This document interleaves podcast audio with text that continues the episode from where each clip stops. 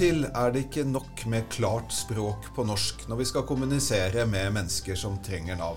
F.eks. når de kommer fra andre land og ikke har lært seg så mye norsk ennå. 1.1 fikk vi en ny tolkelov som skal bidra til at alle får tolk når det er nødvendig. Men er det så enkelt som det ser ut til i lovteksten når vi skal avgjøre om noen trenger og har rett til å bruke tolk for å ivareta rettssikkerheten? Dette er tema i denne utgaven av På godt navsk, og med oss for å svare på dette har vi Hanne Løfsnes, som er tolkeansvarlig i IMDi, og seniorrådgiver Cecilie Glomseth, som jobber med integrering i arbeids- og tjenesteavdelingen i Nav. Velkommen hit. Takk. Takk. Hanne, hva er det viktigste med den nye tolkeloven? Det viktigste med den nye tolkeloven er at den plasserer et ansvar hos offentlige etater for å uh, sørge for at man bruker tolk der hvor man ikke har et felles språk med den innbyggeren eller den borgeren man skal møte. I tillegg så uh, stiller tolkeloven noen krav til uh, tolker, og den gir en definisjon på hva en kvalifisert tolk er. Og sier at tolker skal opptre i henhold til retningslinja for god tolkeskikk og respektere habilitet og taushetsplikt. Men dette er en pliktlov?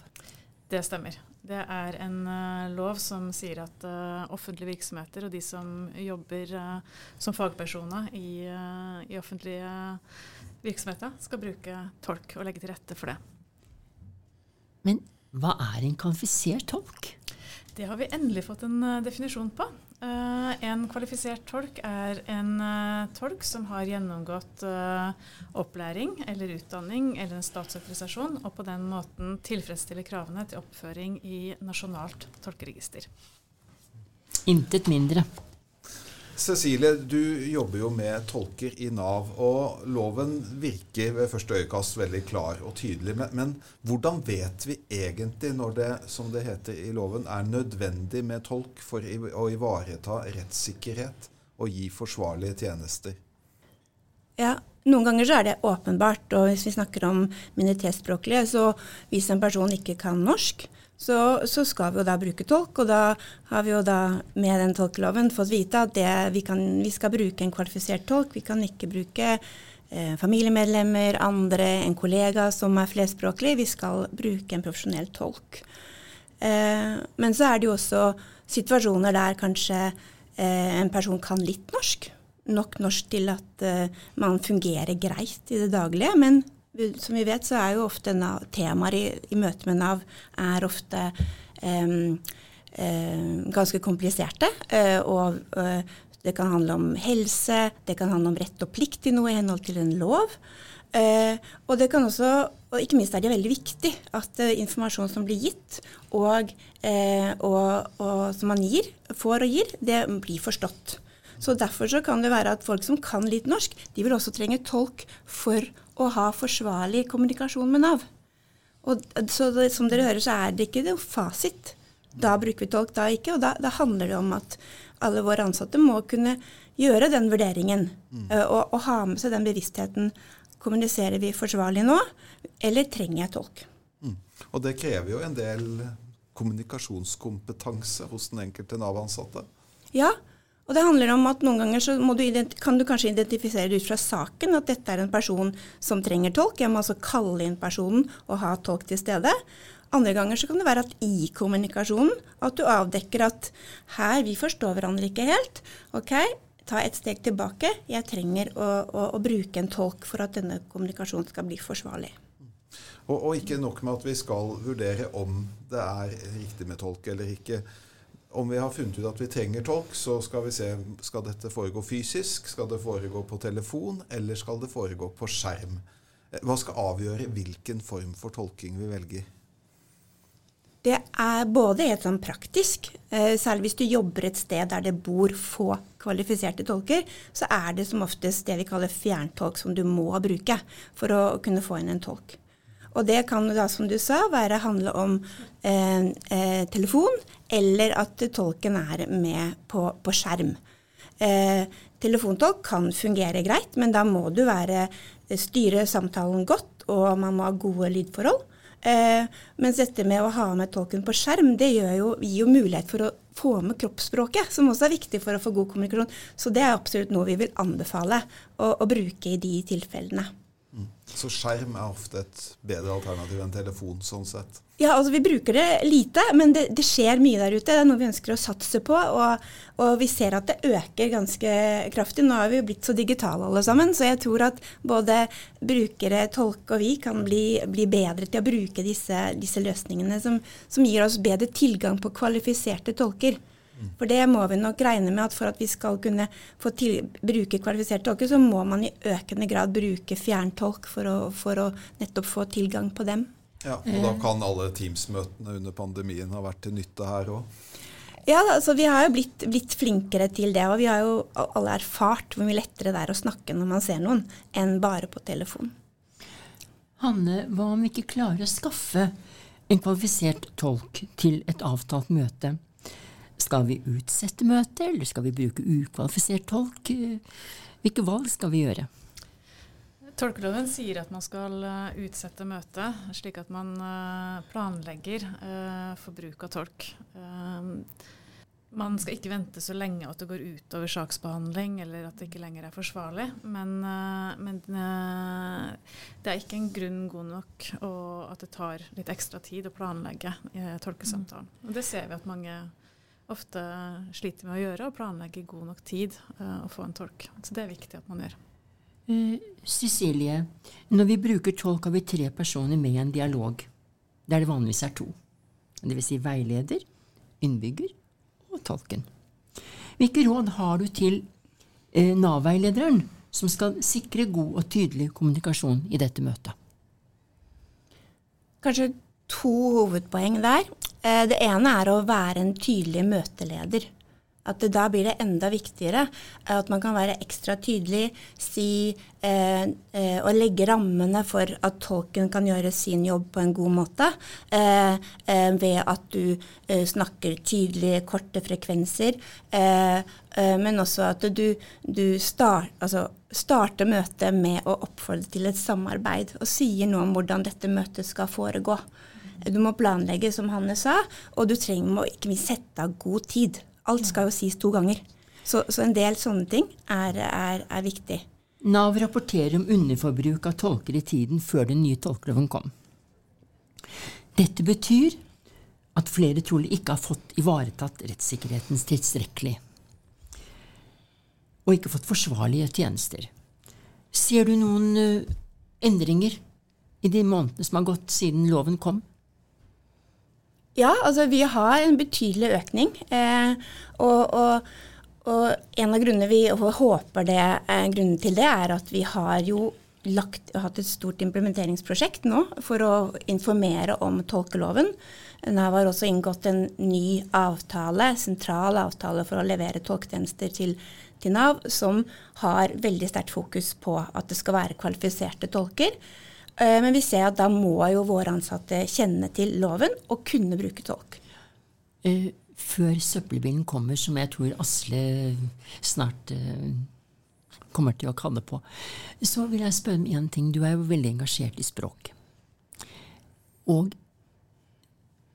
språksvak er et ord du ikke er særlig begeistret for.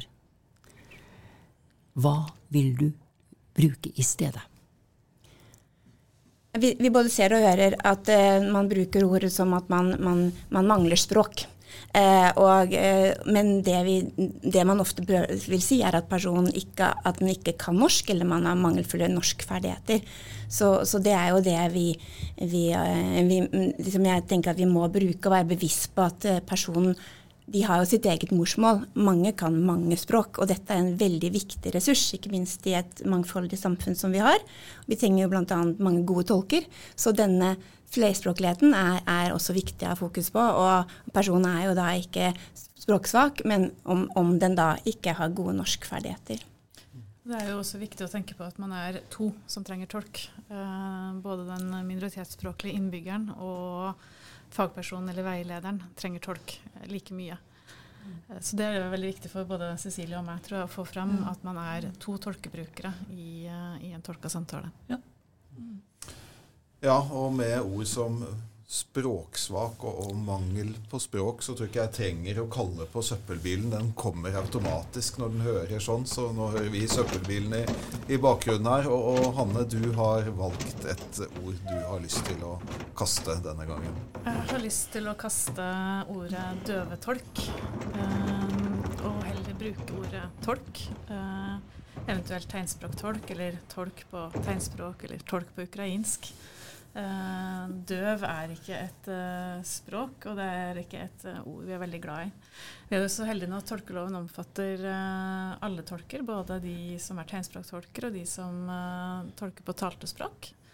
Og jeg tenker at døvetolk er et ord jeg gjerne vil bli kvitt. Tusen takk. Da kjører takk. søppelbilen av gårde med døvetolk. Og tusen takk for at dere var med oss i dag. Ja, tusen takk.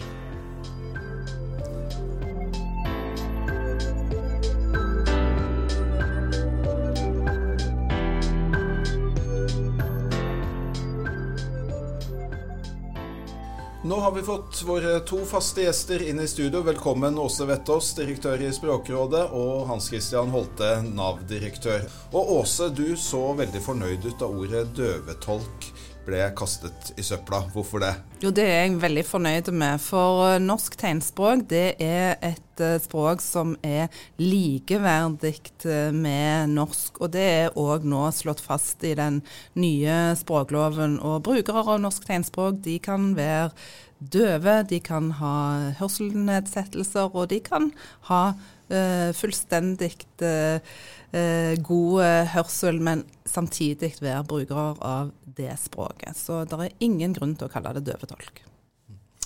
Og hva er det viktigste med denne nye tolkeloven? Tolkeloven er jo en viktig språklov, men det er òg en utrolig viktig eh, demokratilov. For det handler rett og slett om hvordan eh, innbyggerne våre skal få tilgang til rettigheter og, og demokrati. Hans Christian, vi hører at det har vært underforbruk av tolker før tolkeloven ble innført. Hva er viktig for deg for å sikre at alle som trenger tolk etter den nye loven, nå faktisk får det?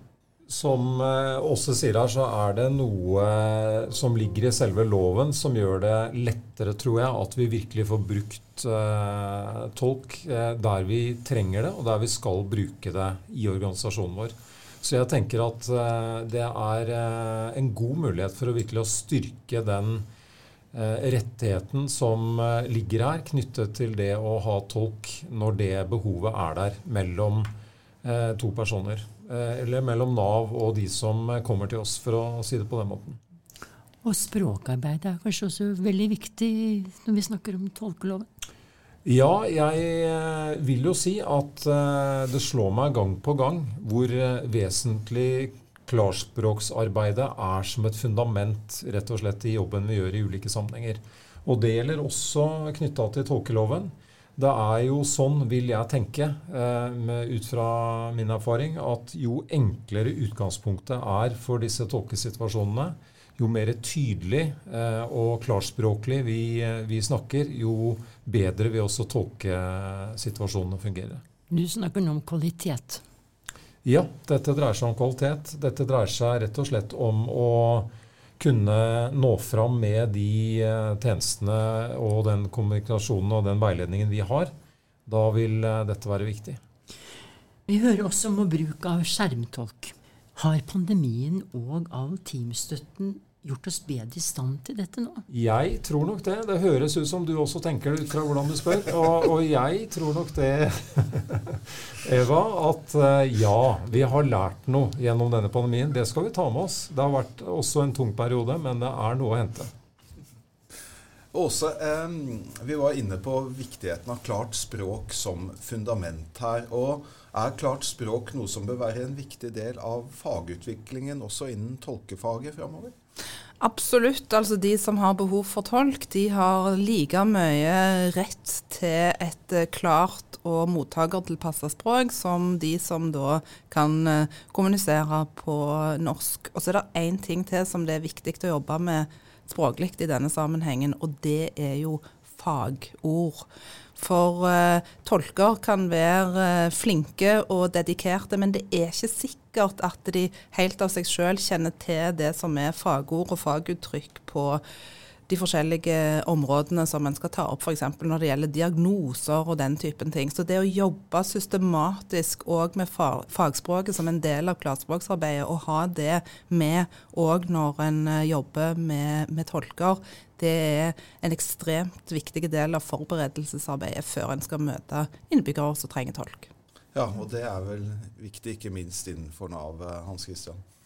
Ja, det vil jeg tenke. Så, så sånn sett, vi har, eh, vi har, mange fagområder som blir berørt i, i vår kommunikasjon med, med, de som eh, kommer til oss. Og sånn sett så, så, tenker jeg at det ligger et eh, betydelig arbeid her for å få god kvalitet også i de tolketjenestene som vi har.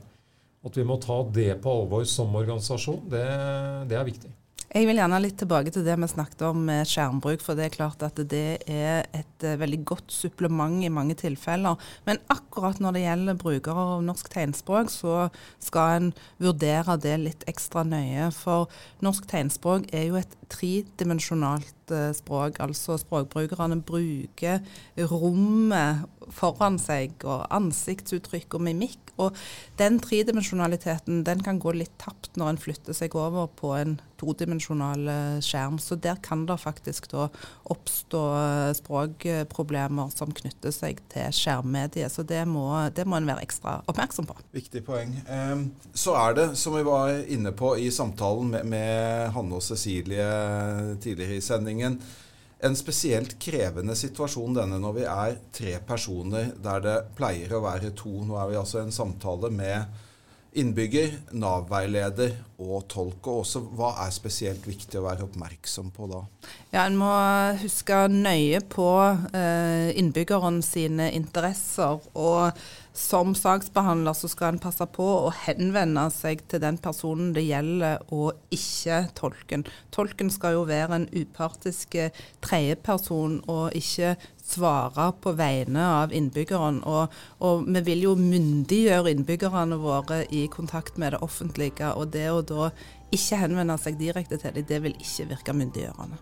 Det er klar tale, og det var også de siste ord i denne podkasten. Vi er tilbake eh, neste måned. Takk til gjestene våre. Vi høres igjen. Tusen takk.